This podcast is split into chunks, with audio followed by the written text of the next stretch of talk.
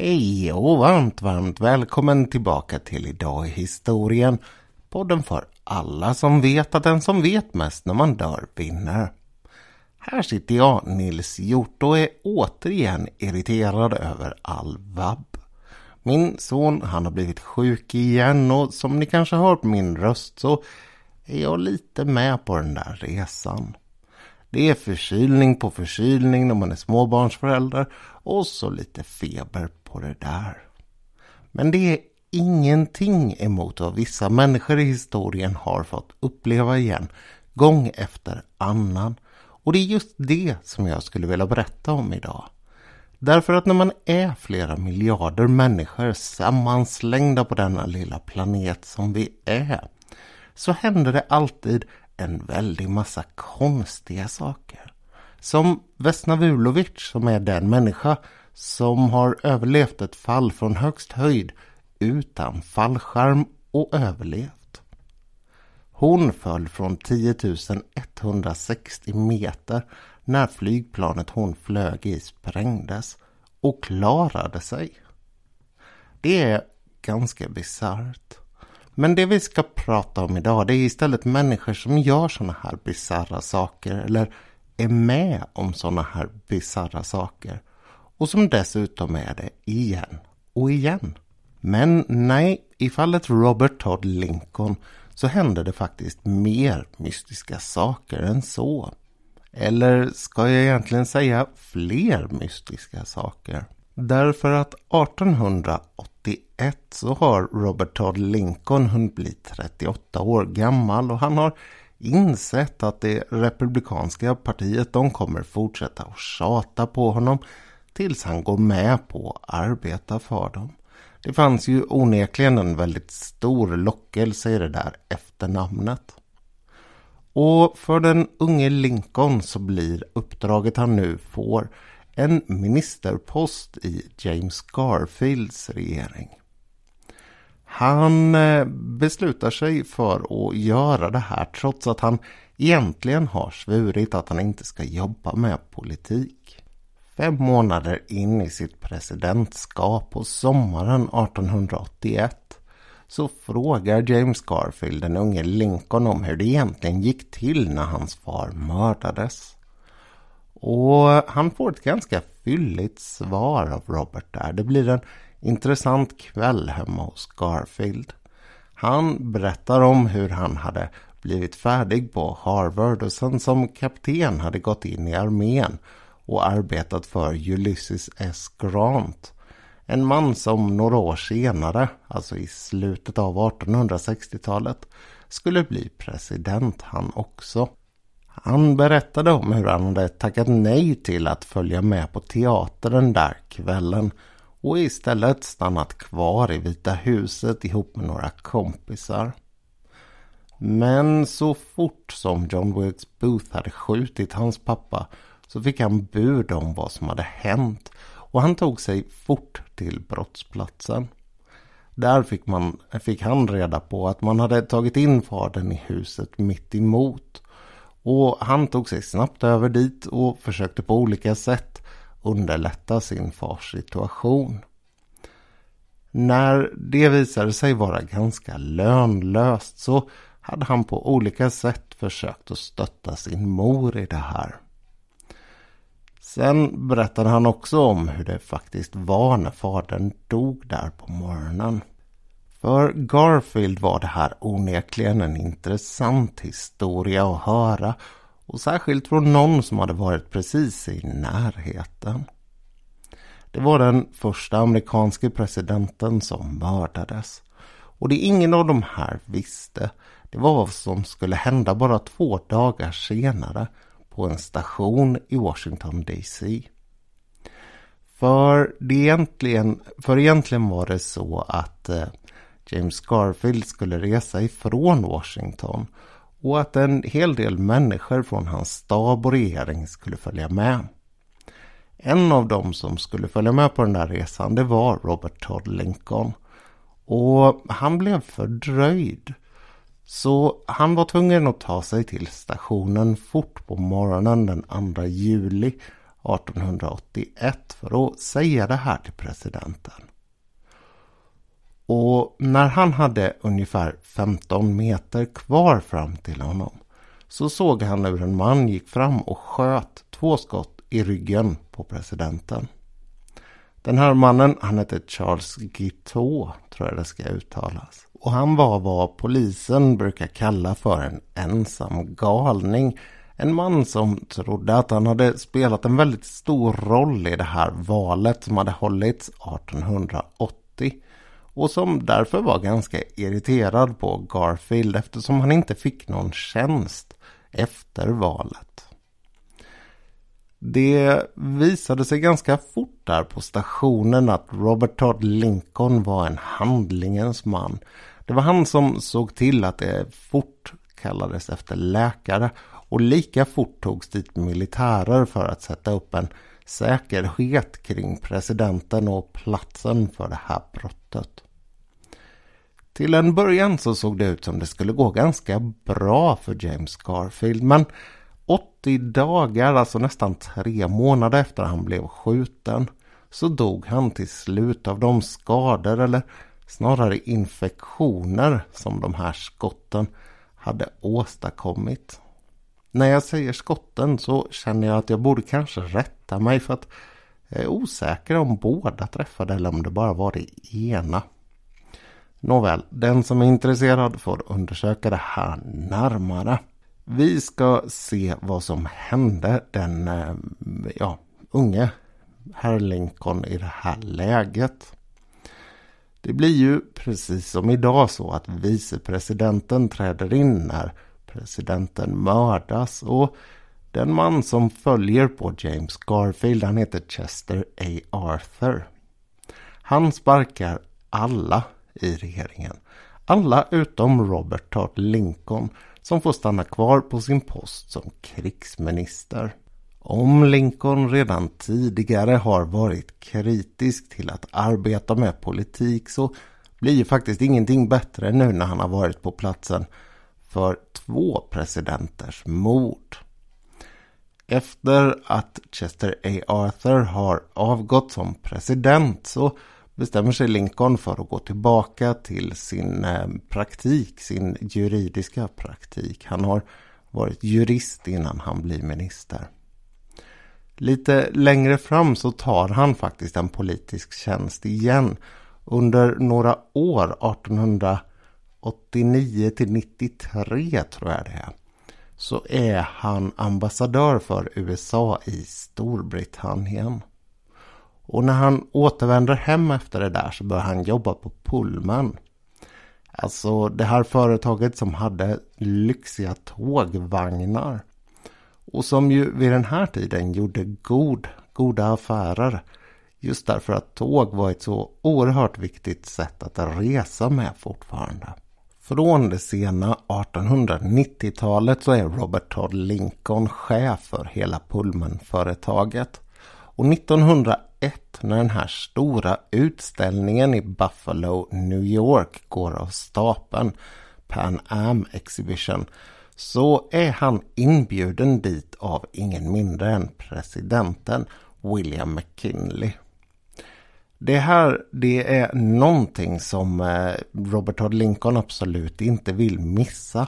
Alla moderna spännande nya saker visas ju upp där och på vägen hem från en lång sommarsemester i New Jersey så bestämmer han sig för att ta tåget till Buffalo och se den här utställningen och träffa presidenten. Men redan när hans tåg rullar in på stationen så får han höra av en man som står där och väntar på honom att presidenten kort där innan har skjutits. Återigen med två kulor och återigen är det lite oklart hur de här kulorna har tagit. Den ena den går i alla fall i magen på honom och det ser faktiskt ganska bra ut precis som det gjorde för tidigare då James Garfield. Lincoln kan hälsa på presidenten som har tagit till mässans chef, får jag kalla det, utställningschefens eh, hem eller kontor. Och när han kommer dit så känner han att det här kommer nog gå vägen faktiskt för presidenten. Han är inte särskilt oroad och han fortsätter att titta på mässan precis som planerat och sen reser han därifrån. Men det hela det vänder åt fel håll och det gör det ganska fort faktiskt. Betydligt mycket snabbare än vad det gick för James Garfield. Några dagar senare så är William McKinley död och presidenten det är den forne vicepresidenten Theodore Roosevelt. Det har sagts att efter att ha varit på plats när alla de tre första presidenterna mördas så skulle Robert Todd Lincoln ha uttalat att han inte längre ville träffa presidenter eftersom hans närvaro verkade bidra med en viss dödlighet bland presidenterna. Det här är inte sant, men sant är faktiskt att när Theodore Roosevelt har tillträtt så skickar inte Robert Todd Lincoln den kanske vanliga gratulationen till honom. Nej, tvärtom så skickar han ett meddelande där han säger att han har sett för mycket av presidentskapets dåliga sidor för att tycka att det är en position att avundas och därmed gratulera till att någon har fått. Det är också så att han kommer träffa vidare presidenter längre fram. Han träffar både Roosevelt och Warren G Harding innan han själv avlider 1926. Och man kan ju då tycka att det här är helt absurt. Att tre stycken presidenter mördas i USA. Fyra sammanlagt fram till idag med eh, John F Kennedy. Och att en person har varit i närheten eller på platsen då till och med med McKinley Eh, när så sker. Men man måste ju faktiskt tänka att det här det var dels en exceptionell person så tillvida att han var son till en av, eller kanske den största i rankning av amerikanska presidenter. Eh, vilket gjorde att han var på väldigt många platser där det fanns eh, möjlighet för olika attentatsmän att angripa presidenter.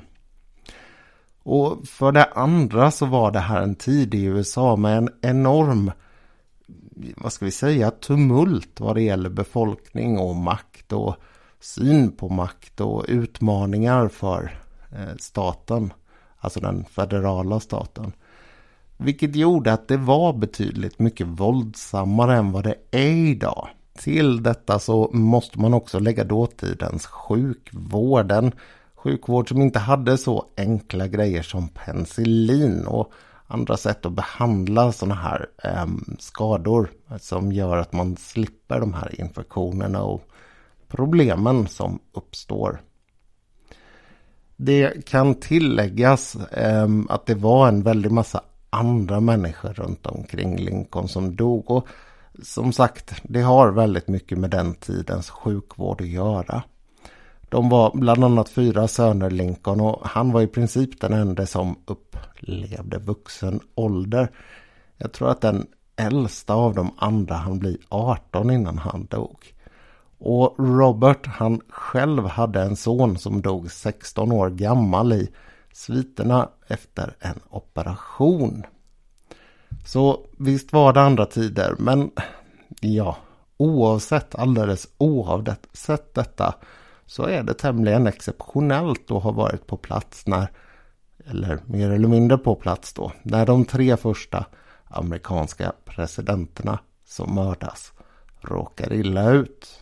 Vi ska ta oss vidare från denna då väldigt kända och nära makten man som upplevde tre mord på 36 år. Ta någon som är betydligt mer vardaglig och som upplevde sina olyckor på betydligt kortare tid. Kvinnan som jag nu ska berätta om heter Violet Jessop och hon är född i Argentina. Det där namnet det låter ju inte särskilt sydamerikanskt och det stämmer ganska väl. Hennes föräldrar var invandrade från Irland. Och Violet hon var deras första av nio barn. Sex av de här barnen de kommer upp i vuxen ålder och när Violet är 16 år gammal så dör hennes pappa. Mamman hon bestämmer sig då för att återvända till Storbritannien och hon gör det eh, med mer eller mindre inställningen att hon måste hitta ett vanligt jobb. De har varit där i Argentina för att prova på livet som jordbrukare. När de kommer tillbaka så börjar mamman att jobba på fartyg. Och hon är sån här eh, steward så hon är med ute på skeppen och tar hand om eh, ja, finare kvinnor oftast får man väl säga. Men framförallt hjälper till att ta hand om kvinnor. Eftersom kvinnor har börjat resa på ett helt annat sätt i den här tiden eftersom folk rent generellt får man säga har börjat resa på ett annat sätt i den här tiden. Men det också var väldigt mycket mer könsuppdelat än vad det är idag. Och jag bör ju säga det när jag säger att det är vid den här tiden att Violet Jessop är alltså född 1887 så de flyttar tillbaka till England precis precis efter sekelskiftet 18-1900 där. För Violets del så innebär det här att hon börjar i en klosterskola, alltså en katolsk skola. Och där lär hon sig franska. Så vid det här laget så pratar hon alltså engelska hemma. Hon har lärt sig spanska i Sydamerika. Och hon lär sig nu franska på den här klosterskolan. Några år senare så blir modern sjuk och kan inte längre arbeta på det sättet hon har gjort. Och nu faller det alltså på Violet att dra in pengarna till den här familjen. Och hon gör det på samma sätt som hennes mamma har gjort. Hon går till sjöss och blir steward på en sån här stor oceanångare. Den första hon börjar jobba på den heter Orinoco och hon gör det 1908. Hon är då 21 år gammal och när hon längre fram i livet sen skriver och berättar om det här så tar hon upp att det var ett jobb som dels hade lite så här pionjärkänsla. Man var bland de första kvinnorna som gav sig ut och arbetade på det här sättet. Och dels hade en liten speciell form av trygghet. Därför att man kunde ordna på så vis att del av lönen betalades ut till de som hade stannat kvar där hemma. Så medan hon var ute och for och kunde spara ihop det hon tjänade medan hon var på båten, där det då ingick både boende och mat, så kunde hon se till att de var underhållna och levde i en någorlunda ekonomisk trygghet där hemma. Det gavs också en viss möjlighet till att utöka inkomsterna och det var dricksen man kunde få. Och hon har berättat om att man lärde sig ganska fort hur man skulle bete sig för att öka möjligheterna och för att öka storleken på dricksen. Och märk väl att det här var då en kvinna som jobbade för andra kvinnor. Så det finns inte någon sån här ja, sexuell komponent eller vad man ska säga i det här. Violet hon trivdes egentligen inte jättebra med det här yrket. Hon tyckte det var ganska obehagligt med de här stora båtarna. Och hon, ja, hon åkte med motvilligt för att hon visste att hon behövde pengarna. Det var en bra inkomst och ja, det var den vägen hon fick gå. 1911 så börjar hon på White Star eller som det hette på svenska Vita stjärnlinjen. Och hon börjar då jobba på vad som vid den här tiden är världens största fartyg. Olympic. Det är den första båten som sätter fart av de eh, stora Olympic-ångarna. Det är en hel serie av båtar som ska följa.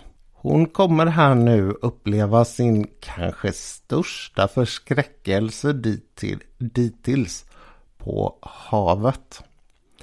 Den här stora enorma eh, Olympic-båten den kolliderar nämligen med ett militärfartyg som heter Hawk. Ganska kort efter att de har gått ut från Southampton. Och även om de kan ta sig tillbaka till hamn själva och även om det här är helt utan att någon dör. Det är väl några få som skadas lindrigt. Så är det en tämligen omtumlande upplevelse.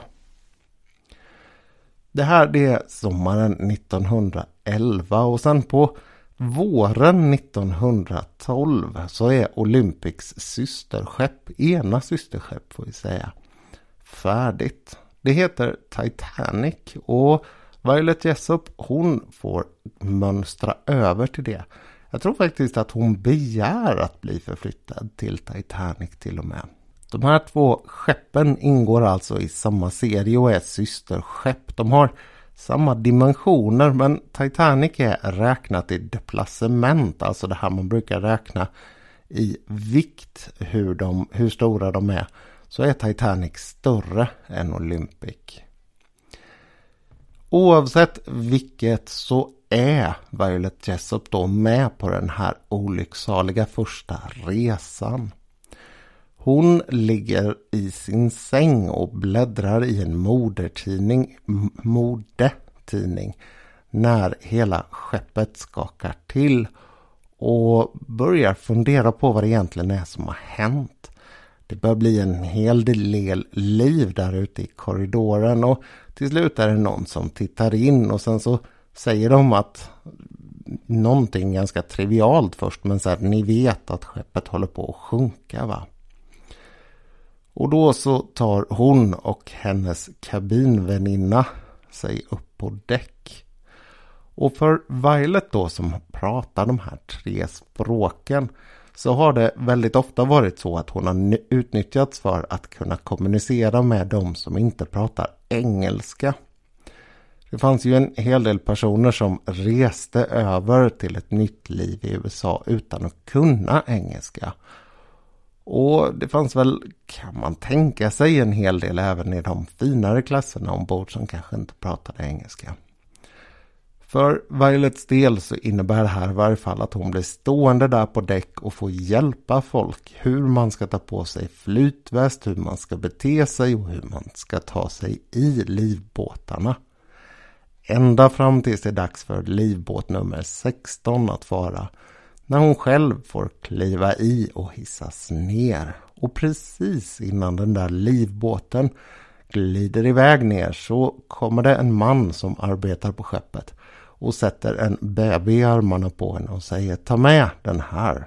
Efter det här så får hon se det läskiga men ändå ganska storslagna skådespel som utspelar sig när Titanic reser sig och sen försvinner ner i djupet. Åtta timmar eh, reser hon runt sen i den här livbåten med bebisen i famnen tills Carpatia anländer till platsen och börjar plocka upp de som flyter omkring i livbåtar och på lite sådär rester och så. 700 personer räddas på det här sättet och sen sätter man fart mot New York. Och på Carpathia så är det en kvinna som kommer fram och tittar på Violet, tittar på bebisen och så tar den och springer iväg. Och hon vet inte, hon kommer faktiskt aldrig få reda på ifall det är mamman som gör så här. Och hon vet heller inte, eller visste heller inte, för hon är död idag. Hon dog 1971. Ehm, vem det var och vart bebisen tog vägen.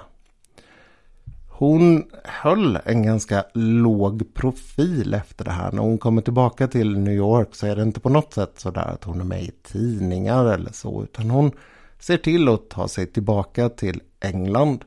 Och vet om att hon ganska fort vill ut igen. För annars så kommer hon bara skjuta på det och skjuta på det och så kommer det kännas ja, alldeles för läskigt att ge sig på ett sånt här skepp igen. Men ut kommer hon och sen så blir det världskrig och i och med det så ändras alla förutsättningar.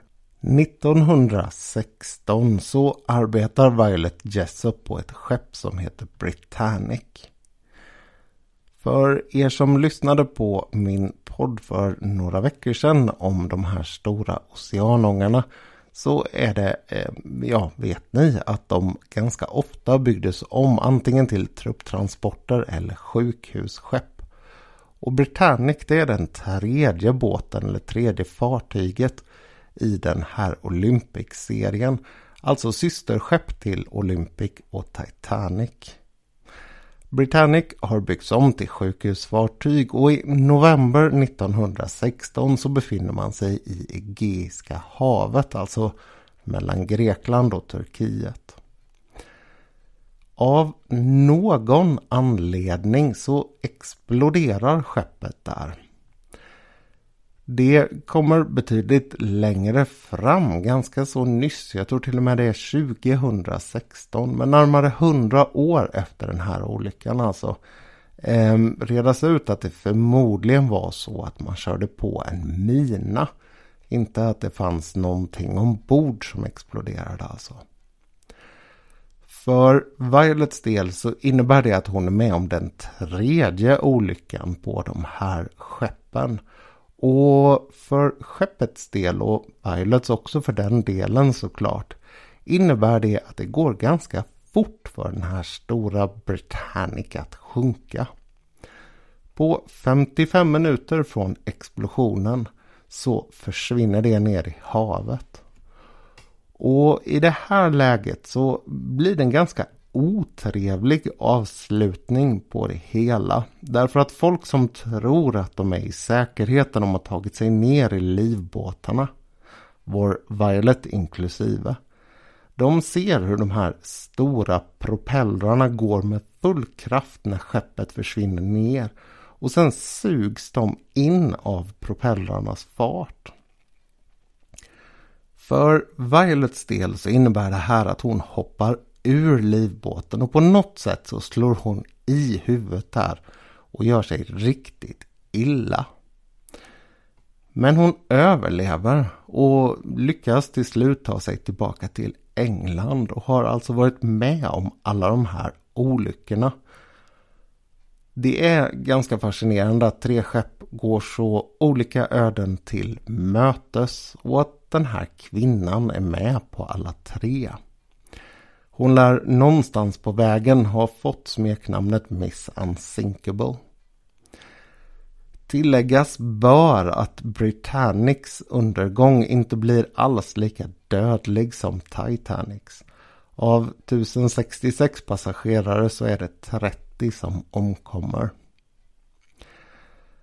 Violet hon fortsätter med det här arbetet även efter kriget. Och när hon pensionerar sig så har hon arbetat i mer än fyra decennier på sådana här skepp. Hon har sett tiderna förändrats på massor med sätt. Och hon har fått göra 200 väldigt spännande resor. Och hon har faktiskt som hon beskriver i sina memoarer som hon skrev på 1930-talet tagit chansen att uppleva de här platserna hon kom till. Och inte bara turistställena utan försökt ta sig iväg till de lite mer udda ställena. De där memoarerna de kom inte att ges ut förrän på sent 1990-tal. Men hennes öde har blivit ordentligt känt efter det här. Innan vi ger oss i kast med den sista personen som jag tänkte berätta om idag så vill jag bara passa på att skjuta in här att jag hittade en kvinna som hade varit rätt intressant att prata om på sitt sätt, trodde jag. Inte för att hon var på fel plats vid fel tillfälle utan för att hon var på helt rätt plats vid helt rätt tillfälle. Finns nämligen en kvinna i USA som bor i Las Vegas och som har vunnit på Lotto fyra gånger. Jo, fyra gånger. Oddsen för det där är ju minimala och hon har dragit in ganska gott om pengar på det. Jag tror det rör sig om omkring 20 miljoner dollar. Men, och det här imponerar en hel del på mig. Eh, hon jobbar med statistik. Och hon har förmodligen, så vitt man förstår, räknat ut var det säljs lotter som kommer vinna. För det är sådana här skraplotter hon har vunnit på några av gångerna. Och hon antar man har då räknat ut hur de här fördelas i, i olika delar av delstaten mellan olika butiker och så vidare för att man ska få maximal spridning och publicitet kring eh, lotterierna. Intressant, väldigt, väldigt intressant. Men inte riktigt då på dagens tema. Utan vi ska istället bege oss till Japan. Där finner vi Tsutomu Yamaguchi som levde 1916 till 2010. En man som upplevde helvetet två gånger om skulle man kunna säga. När han då på sensommaren 1945 var och jobbade i Hiroshima så drabbades han av den första atombombningen i världen. Tsutomu han var vid det här laget 28 år gammal. Och ja, han arbetade som ingenjör och egentligen då så var han från en stad 30 mil västerut som heter Nagasaki. Men de senaste tre månaderna så hade han varit i Hiroshima och slutfört arbetet på en oljetanker. När den här båten var klar så var det dags att åka tillbaka till Nagasaki och han och två kollegor de begav sig iväg från kontoret eller från sitt boende. Lite oklart där. Ehm, till, ehm, ja, iväg då för att resa hem. Men Tutomu han kommer på att han har glömt någon form av personligt sigill. Jag vet inte riktigt hur det där fungerar. Men uppenbart viktigt. Så han ska tillbaka till kontoret och hämta det här och lämna därför sina två kollegor. Och när han sen kliver av en spårvagn strax efter åtta på morgonen så har han ett flygplan som flyger runt och cirkulerar över i luften. Och han tänker först att det där är inget ovanligt i den här stan. Men sen ser han hur det här flygplanet släpper ett litet föremål som faller ner mot staden. 580 meter över marken så exploderar så världens första atombomb. För Tsutomu så innebär det här att han har hunnit slänga sig i skydd. Men smällen den blir så kraftig att hans båda trumhinnor krossas och slits sönder av tryckvågen trots att han har fingrarna i öronen. Han slängs upp i luften och landar och tappar förmodligen medvetandet en kort stund. Och när han vaknar så ser han sig omkring och känner liksom bara hur det bränner i all hud på kroppen på honom. Hans underarmar som har varit oskyddade, de har nästan blivit solbrända och runt omkring honom så är det nästan bara mörker. Uppe på himlen så är det en enorm pelare av brand ser det ut som mitt i all den här askan som yr runt. Och allting som alldeles nyss fanns runt omkring honom det är bara alldeles sönderslaget. Och han inser ganska fort att det här det är ingen vanlig bomb som har drabbat Hiroshima. I oredan så försöker han ta sig tillbaka till kontoret men när han kommer dit så är det bara försvunnet. Lite längre fram så kommer han faktiskt att hitta båda sina kollegor och de har också klarat sig. De tillbringar natten i någon form av bombskydd och sen bestämmer de sig för att chansa på att det är som ryktet säger att tågen fortfarande går och att man kan ta sig iväg hem till Nagasaki. Den resa de tar sig, eller tar sig för genom eh, Hiroshima där är inte särskilt trevlig. Överallt är det förstörda hus, sönderbränt, söndervridet och döda människor i alla möjliga konstiga former. Smällen har varit otrolig och hettan som har utstrålats ur den här reaktionen har förvridit saker på ett sätt som de absolut inte kan förstå. Och när de kommer fram till en kanal som de måste ta sig över så är den full med lik. Till slut så når de faktiskt stationen och får möjlighet att resa hem till Nagasaki. Och när han anländer hem till sin familj så känner de först inte igen honom. Han berättar om vad som har hänt och så sover han en natt. På morgonen den 9 augusti så beger han sig av till jobbet på Mitsubishi. Han känner att det är dags att rapportera vad som egentligen har hänt borta i Hiroshima. Både kring tanken och kring den här atombomben. Medan Tsutomu tar sig ut för att ta sig till jobbet så beger sig hans fru iväg med deras tvåårige son för att hitta någon form av salva som kan minska makens lidande för de här brännskadorna han har fått. Så Tumo han kommer fram till sitt arbete och precis vid klockan 11 så håller han på att få en utskällning av sin chef.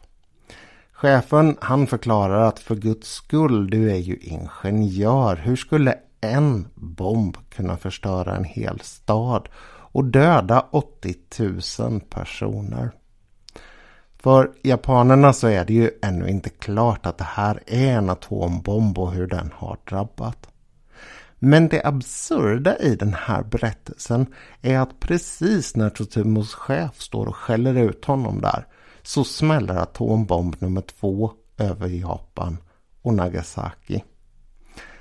För Tsutomos del så får man säga att han har oturen att veta vad det här extremt kraftiga vita ljuset och den hårda smällen är. Han överlever även den andra smällen och han är en av en väldigt liten grupp människor som har blivit bombad båda de här gångerna och klarat sig. Någonstans omkring 150-160 personer delar det här ödet. Men Sotumo han är något annorlunda i den här gruppen. För han har vid båda bombningarna varit ganska nära nollpunkten. Mindre än 3 kilometer. Enligt någon källa till och med närmare än 2,5 kilometer av själva smällen. Han var dessutom den enda som betydligt längre fram i historien skulle bli erkänd som officiell överlevare av de här två bombningarna. Det gjorde han 2009 och då var de flesta av hans bröder och systrar som råkat ut för det här ödet döda. Det var så pass mycket följdsjukdomar av de här bombningarna att de flesta hade dött i cancersjukdomar eller leversjukdomar. Varför Tutumo klarade sig bättre är väl egentligen ingen som kan svara på. Och han blir efter de här två bombningarna ordentligt strålsjuk. Han har huvudvärk, han har kräkningar, han har inre blödningar, blodförgiftning och huden den liksom flagnar och lossar från honom. Han ligger länge och är sjuk på det där sättet. Återigen i ett bombskydd. Men han har hittat sin fru och han har hittat sin son och båda lever. De börjar bygga upp någon form av vardag igen, familjen Yamaguchi. Och det går faktiskt över förväntan. Totumo han kommer jobba för den amerikanska ockupationsmakten efter kriget som översättare. Han blir senare lärare och han kommer återigen börja jobba för Mitsubishi. Någon gång i skiftet 1940-1950-tal så bestämmer de sig också att det är dags för att skaffa fler barn och få två döttrar. Och det här det är någonting som har skapat en hel del diskussion i Japan. Därför att de här som har överlevt bombningarna det var inte helt självklart att de skulle skaffa barn eller ens skulle tillåtas att skaffa barn. Och för den här lilla gruppen då av personer som har bombats två gånger så ansågs ju riskerna vara ännu större. Men de här två döttrarna har faktiskt klarat sig bra vad det verkar. De har haft lite mer sjukdomar och mått lite dåligt. Men de överlevde i varje fall och de levde båda två 2012 vad jag kunde hitta på nätet. Den här sonen som var född redan tidigare han avlev, avled vid 59 års ålder i cancer.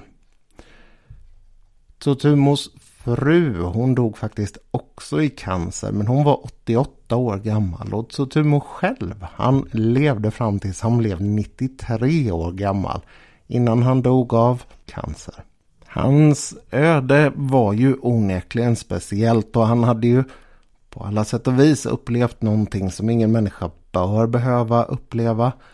Ehm, men som också skapar en viss möjlighet får man väl säga att tala på ett sätt som få andra kunde göra. Och under sent 90-tal, tidigt 2000-tal så blev han en tydlig förespråkare för att få bort kärnvapen ur världen. Han började också skriva poesi för att hantera eh, ja, de olika följdverkningarna eh, sådana här upplevelser och skador förde med sig. Och han verkar, i det man läser av intervjuer, vara mer tillfreds än vad man kunde tro faktiskt att någon skulle kunna vara efter två sådana här upplevelser. Att höra hur det var i de här städerna efter bombningarna och att se bilder på Hiroshima och Nagasaki hur de ser ut efter de här bombningarna. Det är oerhörda upplevelser. Även om bilderna faktiskt, åtminstone det jag har sett, är ganska undanstädade. Det är inte kroppar och sådär kvar. Ehm, det finns säkert men ja, så är det.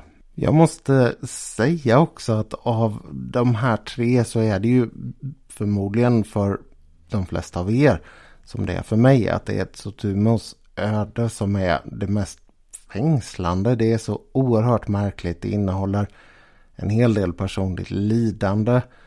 Även om man absolut inte kan tänka sig skräcken och oron det måste innebära att två gånger vara med på sjunkande enorma fartyg. Den ena gången i iskalla eh, Nordatlanten.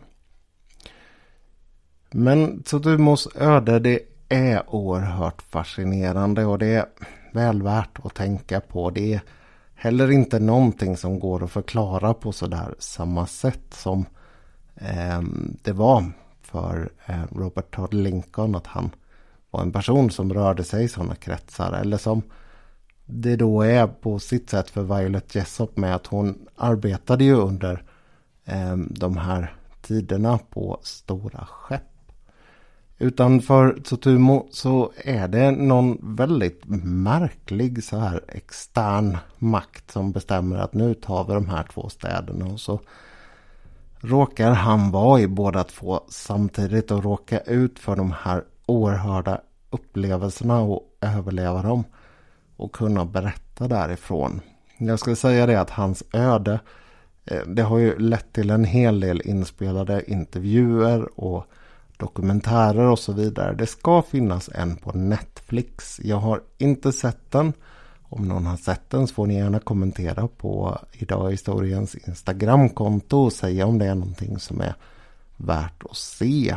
Jag tycker i alla fall att det här är ett väldigt fascinerande öde. Och med det sagt så ska jag lämna er och hoppas att resten av veckan blir trevlig och god. Tills vi hörs nästa gång, allt gott!